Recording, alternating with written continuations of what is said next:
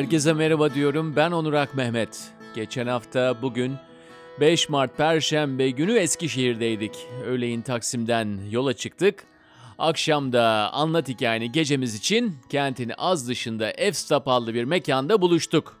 Şimdi anlat hikayeni geceleri bizim için yeni insanlar ve kalıcı hikayeleri demek. Son iki sene boyunca her ay tanıştığımız insanlar oluyor ve birçoğunun hikayesi de hala ilk günkü gibi taze aklımızda. Şimdi üzerine de bir de yeni bir şehir katmanı eklendiğinde yeri bir ayrı oluyormuş. Bunu da yavaş yavaş öğrenmiş oluyoruz. Ay sonu korona izin verirse de 28 Mart Cumartesi Hatay Antakya'dayız. Şimdiden not edin. Evet Eskişehir dedik. Temamız o gece cüretti.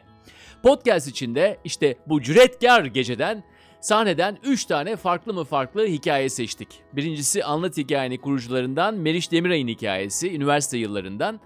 Üniversiteye Eskişehir Anadolu'da gitmiş, kendine ait bir anlatıyla da taşlandırdı bu gecenin başlangıcını. Bir kasaba çocuğunun aşkını dillendirme cüreti, sonrasına dair de yaşadıklarını anlatacak bize Meriç. Ardından Yasemin Ceylan geliyor. Temmuz 2016'dan beri ülkede yüz binlerce insan mağdur oldu KHK'lardan dolayı. İşte Yasemin de kendi deneyimi üzerinden bize bunu aktaracak. Biraz hem devletle hem de kendiyle yüzleşme cüreti Yasemin'inki. Ve son olarak Doğu Taşkın var. Çok da başarılı olmayan bir spor hayatı var ama cüretkar mı cüretkar? Şimdi bu spor hayatını nasıl sonlandırdığını anlatırken bizim de podcast'imizi sonlandırmış olacak. Buyurun dinlemeye diyorum. Evet, eee, 1991 yılında şu tren garına ilk indiğimde 16 yaşındaydım. Eee, ve olasılıklara ve aşka inanıyordum o zamanlar. Bu Yunus Emre kampüsü idi değil mi bizim kampüsün adı? Yunus Emre kampüsündeki en küçük çocuktum. Benden başka 16 yaşında olan biri yoktu. Yanaklarım kırmızıydı ve kızlar makas alıyordu. Ee, çünkü o yaşta bir yaş küçük olmak bile çok önemli oluyor. Kızlar asla sizi bir erkek gibi görmüyorlar. Ee, herkes sizi bir çocuk gibi görüyor falan. Ay canım hoş geldin sen burada mı okuyacaksın falan filan şey yapıyorlardı. Neyse ben aşık oldum tabii ki. Doğal olarak. Zaten aşk, aşık olma motivasyonuyla geliyorsunuz. Ee, kasabalı bir çocuk olduğum için kızla 6 ay konuşamadım. Ama bütün okul öğrendi. Çünkü kasabalı olan varsa içinizde bu işlerin oralarda öyle yürüdüğünü bilir. Kasabalı çocuklar kızla konuşamaz ama kızın haricindeki herkesle konuşarak olayın kıza sirayet etmesini, bir şekilde ulaşmasını sağlamaya çalışırlar. Böyle bir 6 ay geçirdik. Ve bu 6 ayın tamamında hiçbir verim alamadım açıkçası. E, 6 ayın sonunda, şimdi burada minik bir parantez açacağım. Kah gülüp kah ağlayacağımız bu hikayede. E, Aytu isminde bir arkadaşımız vardı ve parapsikolojiyle ilgileniyordu. E, çok yakın zamanda burada hocayken kaybettik hatta kendisini. Serhat falan iyi tanır. E, ama Aytu işin bilimsel kısmıyla ilgilenmesine rağmen herkes ona fal baktırmaya çalışıyordu. Ve tarot falı bakıyordu insanlara Aytu. Ama kızarak bakıyordu. Yani bu bilim kardeşim hani tarot değil sadece falan. Abi sen gene de bize bir tarot bak falan filan. Ee, ben de bilime inanan bir çocuk olarak Aytu'la dalga geçiyordum. Falcı bacı diye bir şey vardı o zaman televizyonda. Yeterince yaşlı olanlarınız belki hatırlar. Falcı bacı yazdım kapısına gidip. Bana kızdı. Uzun süre falıma bakmadı. Sonra gıyabımda falıma bakmış ve gelip dedi ki senin iş yarın oluyor. Ben de dedim ki imkansız. Kız bana daha bakıp merhaba bile demedi. Ee, mümkün değil dedim yani. Neyse arkadaşlar. Er, sıkılmadınız değil mi? Ertesi gün okula gittim. Ee, bizim okul bilenler bilir uzun bir koridor. Ee, ve kalabalık olması gereken bir koridor bomboştu. Koridorun başında ben vardım ve yürüyordum. Ve koridorun diğer başından bu mevzu bahis arkadaş gelmeye başladı. Bana doğru yürümeye başladı. Allah Allah falan. Filmik bir şey.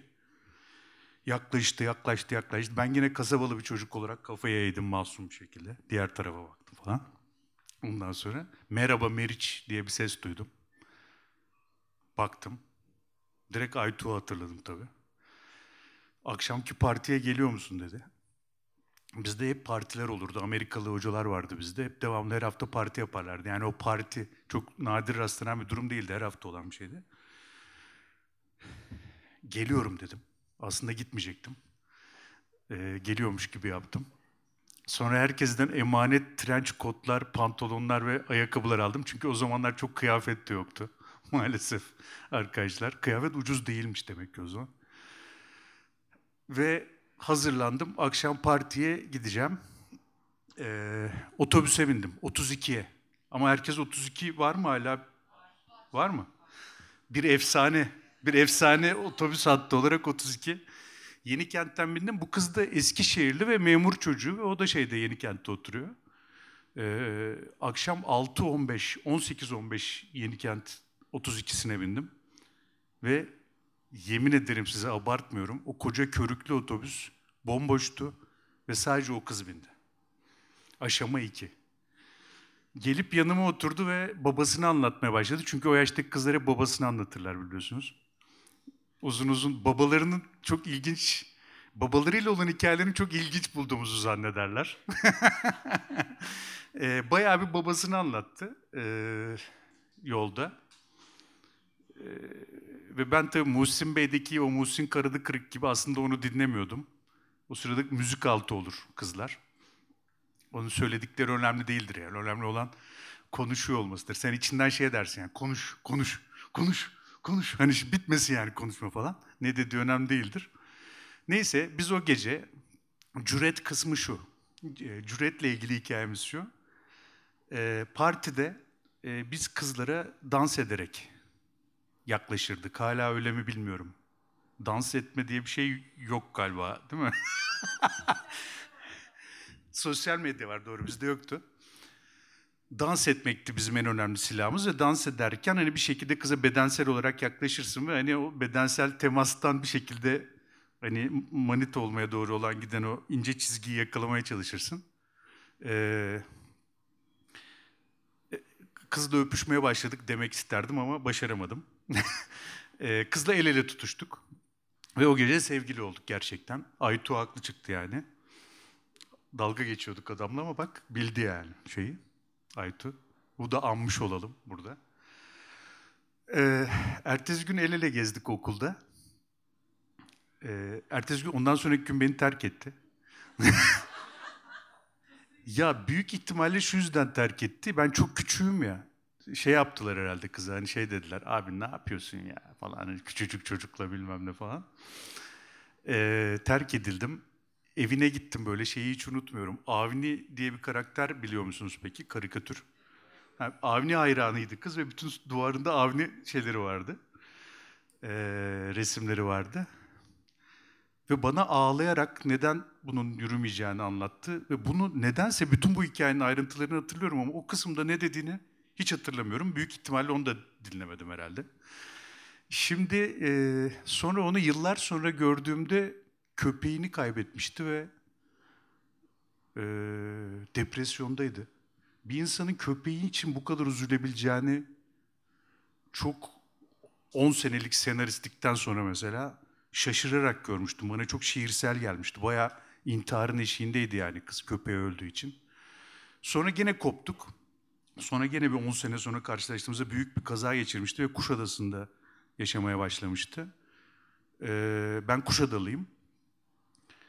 Ee, ve gördüm ki ondan telefon beklediğim evin, yani bütün bir semestr boyunca ondan telefon beklediğim evin 500 metre uzağında oturduğunu e, gördüm. Şimdi görüşüyoruz, çok yakın arkadaşız.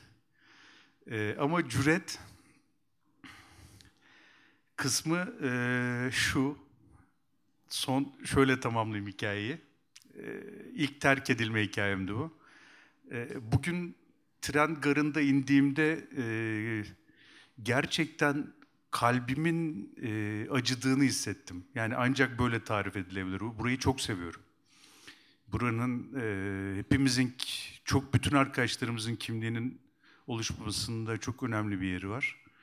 Ve cüret eğer, cüret şu diye düşündüm bugün bütün o eski anıların olduğu yerleri gezerken, işte eski okulumuzu gezerken falan. E, cüret gerçekten iyi bir gençlik yaşamak, iyi bir hayat yaşamak, iyi dostlar edinmek. Çünkü öyle bir e, güzellik ve bir acı olarak kalıyor ki içinizde. Aslında yaşamanın kendisi bir yerde e, cürete dönüşmeye başlıyor. Böylece temamıza da bağlamış olarak hikayemizi, ilk hikayemizi tamamlamış oluyoruz. Evet, Meriç'in aşk hikayesi böyle.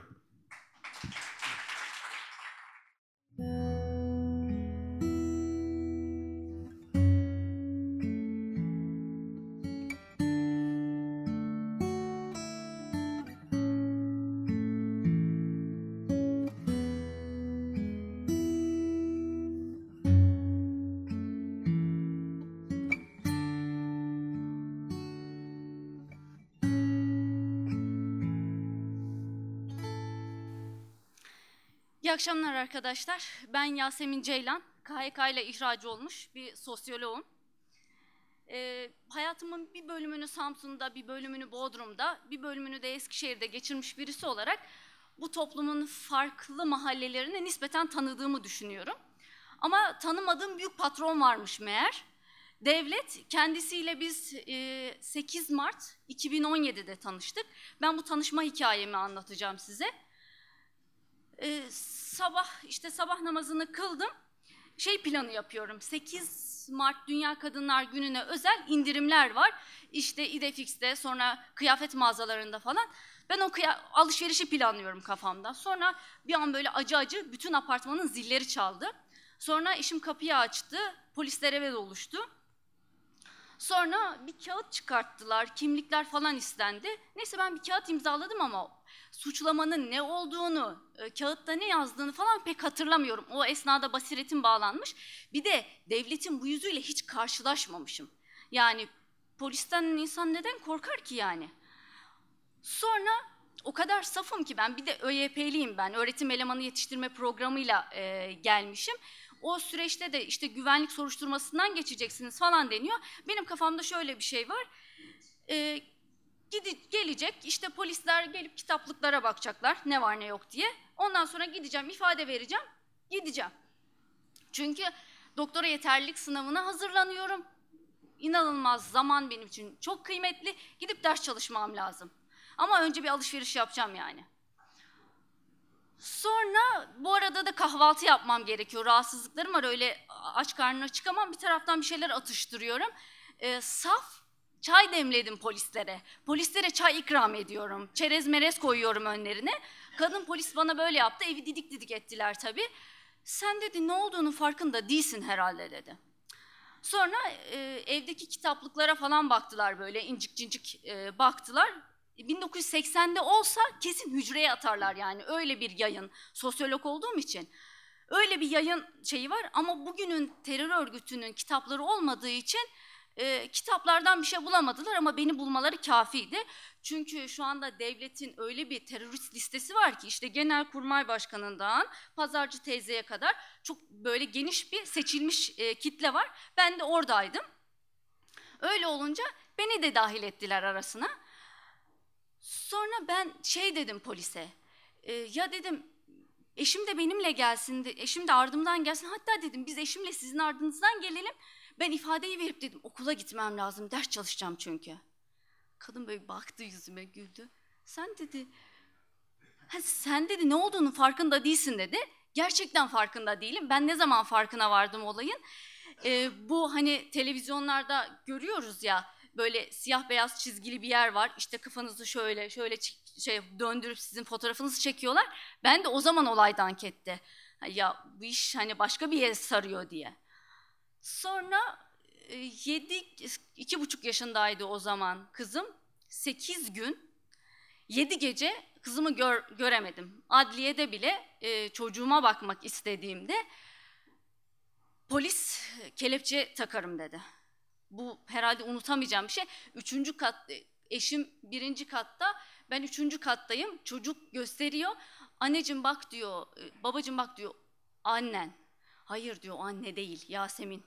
Çünkü çocuk sekiz gün annem yok bu, bu onun kabahati diye düşünüyor.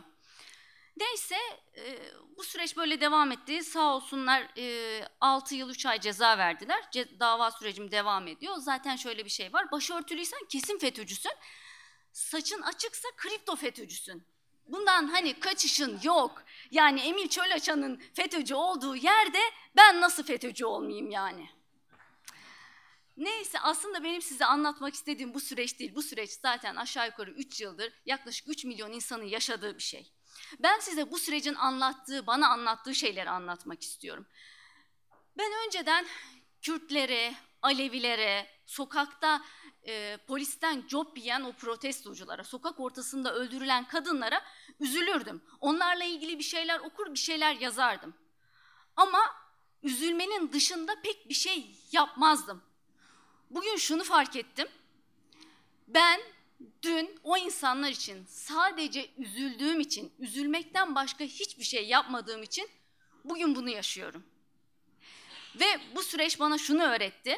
Mücadele edeceksin. Öyle sadece kenardan üzülmek, sonra e, klavye silahşörlüğü yapmak kafi değil. Bir şeyler yapmak gerekiyor, mücadele etmek gerekiyor. Biz de KYK platformu olarak e, ya da bireysel olarak da bir çaba harcıyoruz, mücadele ediyoruz. Aramızda çok farklı insanlar var. Ee, barış akademisyenleri, keskli hocalarımız, yani hakimi o kadar geniş bir skalamız var ki. İdeolojik, dini bir sürü farklılıklarla birlikte mücadele ediyoruz. Açıkçası öyle mücadele etmek de kolay bir şey değil. Bazen hakikaten böyle çok yıldığım, ya yeter artık dediğim, hani intiharın eşiğine birkaç defa gelip gittiğim süreçler oluyor. Hatta böyle kendimi şey hissediyorum. Godoy'u bekler gibi adaleti beklediğimi. Niye, neden beklediğini bilmeksizin, neyi beklediğini bilmeksizin böyle adalet beklediğimi hissediyorum. Ya da 1984 romanının içindeyim ya da Kafka'nın dava romanının içindeyim de bu kabustan çıkmam lazım gibi hissediyorum. Sonra şunu fark ediyorum. Aslında 10 yıllardır bu topraklarda insanlar bu kabusları görüyorlar. Sadece biz onlara üzülmekten başka bir şey yapmadığımız için bugün ben de o kabusu görüyorum. Fakat bugün mücadele ediyorum. Kendim için, işime geri dönmek için, işimize geri dönmek için, yarın için, çocuklarım için, yarın pişman olmaması için diğer insanların, mülteciler için, bu toplumdaki bütün ötekiler için mücadele ediyorum. Benim mücadelem onları kapsayacak kadar geniş olmayabilir ama şu anda mücadele ediyor olmam çok kıymetli. Benden çok şey aldı götürdü bu süreç. Bu süreçte akademik hayatımda oldukça şey e, yitirdim. Sağlığımı yitirdim. Bugün epilepsi hastasıyım. Bir akademisyen için gece ders çalışamamak çok kötü bir şey. Ben artık gece ders çalışamıyorum. Bir sürü şey çaldı benden. Onların gücü bugün benim hayatımdan çaldıklarını geri vermeye yetmez. Ama benim gücüm mücadele etmeye yeter. İşte o yüzden ben bugün buradayım. Buna cüret ediyorum. De babasına bile karşı gelemeyen bir mahallenin çocuğu olarak bugün devletin yanlış yaptığını, bu toprakların en büyük babası olan devletin yanlış yaptığını, yanlış yapabileceğini söylüyorum. Bireysel bir çabanın da bunun için kıymetli olduğunu söylüyorum. Dün 8 Mart'ta eğer ben 3 yıl önce 8 Mart'ta alışverişi düşünmektense mücadeleyi düşünseydim belki de bu kaosun içerisinde yer almayacaktım. Bu kaos bana çok şey öğretti. Ama bu pazar, bu pazar o mücadelenin bir parçası olarak alanda olacağım. Teşekkür ederim.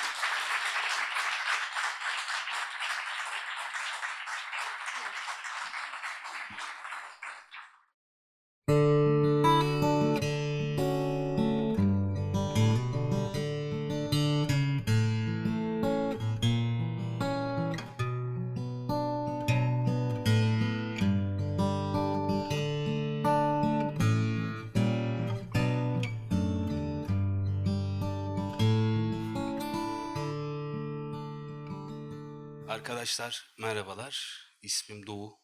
Ee, mesleğim fikir işçisi. Çok düşünmeyin ne yapıyor diye. Öyle yani aklınızda fikir işçisi olarak kalsın. Ee, cüretkarlık bulaşı, bulaşıcıdır. Ondan önce ama Yasemin hocamı burada gördüm. Kendisine e, hikayesini bizle paylaştığı için teşekkür ediyorum. Çünkü yani cüret etmek için zor bir dönemden geçiyoruz. Yani mücadelenizde de size başarılar diliyorum. Evet, cüretkarlık bulaşıcıdır. Ben de şöyle bir şey düşünüyorum. Acaba bu bizim sülalenin genetiğinde böyle bir şey var mı? Hani bana aktarılmış olan. Sonra şöyle bir hikaye dinledim. Rahmetli babaannem rahmetli olmadan önce anlatmıştı. Yani nereden feyiz aldığımı, kaynağını anlatacağım önce sizlere. Biraz geriye götüreceğim. Sene 1973. 12 yaşında küçük amcam adı Adnan. Bir gün babaannem buna işte dönemin 10 bin lirasını veriyor. Oğlum git tereyağı, ekmek al, eve gel diyor. Benim amca bir gidiyor. Saat 10 oluyor, Adnan yok. Bizimkiler telaşa e, giriyorlar. İşte çıkıyorlar, esnafı dolaşıyorlar. Adnan hiç uğramadı diyorlar. Arkadaşlarına gidiyorlar. Arkadaşlarından Adnan'ı gören yok. Ondan sonra tabii karakola gidiyorlar. Karakoldan da ses yok. Bizim Adnan yani 1973 yılında nasıl bir şey gerçekleşmiş olabilir de ortadan kaybolmuş tur diye bir düşünüyorlar. Amcam parayı aldığı gibi Eskişehir otogarına gidiyor. Oradan Harem'in yolunu tutuyor. Harem'den sonra sonra işte Salacak'tan böyle Kuzguncu'ya doğru gidiyor. Sonra o gece uykularını kaçıran Boğaziçi Köprüsü'nün açılışına katılıyor. Ya 12 yaşında bir çocuk bunu yapıyor, izliyor, buna cüret ediyor, buna cesaret ediyor. Ardından parası bitiyor, karakola gidiyor. Bizimkiler öyle bu durumdan haberdar oluyor. Bu hikaye de yıllarca bize anlatıldı. Ve bir sene sonra aslında şöyle bir şey oluyor. 1900 şey 1974 gazeteler bağırıyor işte yaz, e, yazıyor yazıyor Keban Barajı açılıyor diye. Bizdekilerde bir telaş başlıyor tabi. Yani Adnan'a o günlerde ne para veren var ne markete yollayan var. Böyle bir telaş. Tabi bu hikaye bize geçiyor. Biraz ileriye gidelim. Sene 2004 işte ben kaleciyim. Eski spor var burada. Yeni transfer olmuşum Eskişehir Spor'dan. Bursa Spor'la oynayacağız. Heyecanlıyız. İşte Bursa Spor büyük bir kulüp. Biz eski küçük bir kulübüz. Bunları yenersek işte büyük bir haber olur falan diye. Neyse ilk yarı başlıyor. Kalede ben varım. Yani sanki futbol maçı değil boks maçı. Ringdeyim. Habire toplar geliyor bana. Ve ilk yarı 5 gol yiyorum. Kaleci olarak kötü bir tecrübe bu. Kötü bir yaşanmışlık. İşte soyunma odasına gidiyoruz. Herkesin yüzü düşük. İşte kimse bana bakmıyor. Hani böyle sanki o 45 dakika içerisinde mühim bir hastalığa yakalanmışım da herkes benden uzak duruyor. Ya dedim bu 5 golü birlikteydik biz arkadaşlar. Yani bunun defansı var, gol atamayan forveti var. Hoca dedi ki Doğukan çıkartacağım seni. Hocam dedim hayır hayır. Normalde çıkmak ister bir kaleci 5 gol yedikten sonra. Hatta bırakabilir yani. Orada kesilebilir kariyeri. Dedim ben inat ettim hocam dedim. 45 dakika boyunca 5 gol yedim. Abi bir 45 dakika boyunca hiç gol yemeyerek bunu telafi etmek istiyorum dedim. Ha, var mısın iddiaya dedi. İşte o an amcamın o cüretkarlığı aklıma geldi. Varım hocam dedim. Gol yemeyeceğim dedim. Neyse hoca beni çıkartmadı. İddiayı seven bir hocaydı. Ve çıktık. Bir 5 gol daha yedik. 10-0 bitti maç. Yani ben tabii ne diyeceğimi bilemiyorum hem takım arkadaşlarıma ama şöyle bir durum var. Gerçekten top bizim yarı sahamızı geçmiyor yani. Sanki oraya bir duvar örmüşler. İşte ben degaj dikiyorum, top geri bana geliyor. Ben hep yerdeyim hani bir mücadele veriyorum. Şimdi bunu tabii anlatmak sıkıntılı bir şey. Çünkü 10 gol yiyen bir kaleci için kötüdür yani o kaleci. Ama gerçekten o gün o maçta 50 pozisyona falan girmiş olabilirim tek başıma. Yani normalde benim burada kariyerimin bitmesi lazım. Kariyerim bitmedi. Devam ediyor eskide. Ve hatta o 10 gol yediğim maçta beni A takıma çıkartmak isteyen bir hoca vardı A takımda. Yani öyle de bir şey oldu. Neyse e, Eskişehir derbisi diyebileceğimiz bir maç çok önemli bizim için. Eskişehir Spor Eski ile oynuyor. Kalede yine ben varım. Ve Eskişehir Spor'dan transfer olduğum için yani daha daha önemli benim için. 70. dakikaya geldik. Maç 0-0. Büyük başarı benim için. Ondan sonra bir korner olayı oldu. İşte ben de diye sıçradım. Arkadaşlar bana güvenmedi. İşte müdahale etti, edemedi falan filan. Golü yedik. Sonra o altı pas dediğimiz küçücük alanda bir tartışma çıktı. Şimdi şöyle bir şey hatırlatacağım. Milli takım maçında Volkan Demirel kaledeydi ve ona ağzı alınmayacak küfürler edildi. O da eldivenlerini çıkartıp kardeşim ben çıkıyorum dedi. İşte onu ilk yapan aslında Volkan Demirel değildi. Doğu Taşkınlardı. Ben o anda arkadaşlarımla yaşamış olduğum tartışmada şuna cüret ettim arkadaşlar. Dakika 70. Hoca beni çıkarmamış ama ben maçtan çıkıyorum. Eldivenlerimi çıkardım, attım. Anlatamadım derdimi. Direkt soyunma odasının yolunu tuttum. O an hiçbir şey düşünmüyorum, hissetmiyorum. Soyunma odasına girdiğimde ne yaptığımı farkına vardım. Maç oynanıyor. Hoca beni çıkarmamış ve ben soyunma odasındayım. Ya çok enteresan geldi. O an böyle bir boşlukta hissettim kendimi. Ne yapıyorum ben falan dedim. Yani o günden sonra benim futbol kariyerim tribünlerde devam etti doğal olarak. Ama tarihe de böyle geçtim diyebilirim.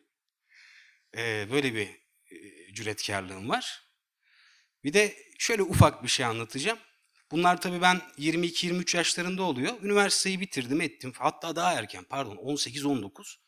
İşte İstanbul'a gittik, üniversiteyi okuduk, geri geldik. Arkadaşlar gaza getiriyor.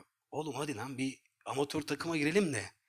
Yani futbol oynamaya devam edelim. Ya dedim baba yaptırmayın bana bunu. Hani insanın kariyeri çok kötü.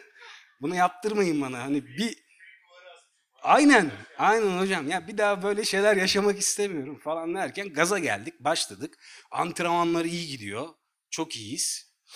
İlk maç var DSİ ile. DSİ'yi Altın Ordu gibi düşünün. Bizim takımın yaş ortalaması 28, adamların yaş ortalaması 19. Maça başladık. 45 dakika bitti. Ne olduğunu söylemeyeceğim. Tabela 5-0. Yine o anı hatırlıyorum. Bu sefer tabii hoca direkt müdahale ediyor, çıkartıyor falan filan derken hani sünger çekmişsiniz o geçmişe ve bir 45 dakikada sünger çektiğiniz o yılları hatırlıyorsunuz. Sadece 45 dakikada. O günden sonra bitirdim futbol kariyerimi. Bir daha da halı sahada dahi top oynamadım. Şöyle bir şey oldu. 2010 yılında Bursa Spor şampiyon oldu hatırlıyorsanız. Ve Bursa Spor'un o yıl şampiyon olan kadrosuna baktığımda rahatladım. Çünkü Bursa Spor'un o yıl şampiyon olan kadrosundaki Sercan, Volkan Şen, Ozan İpek o üçünüzü topladığınızda bana o 10 golü atan bu üç kişiydi. Dedim ki kendi kendime abi hakkını vermişler.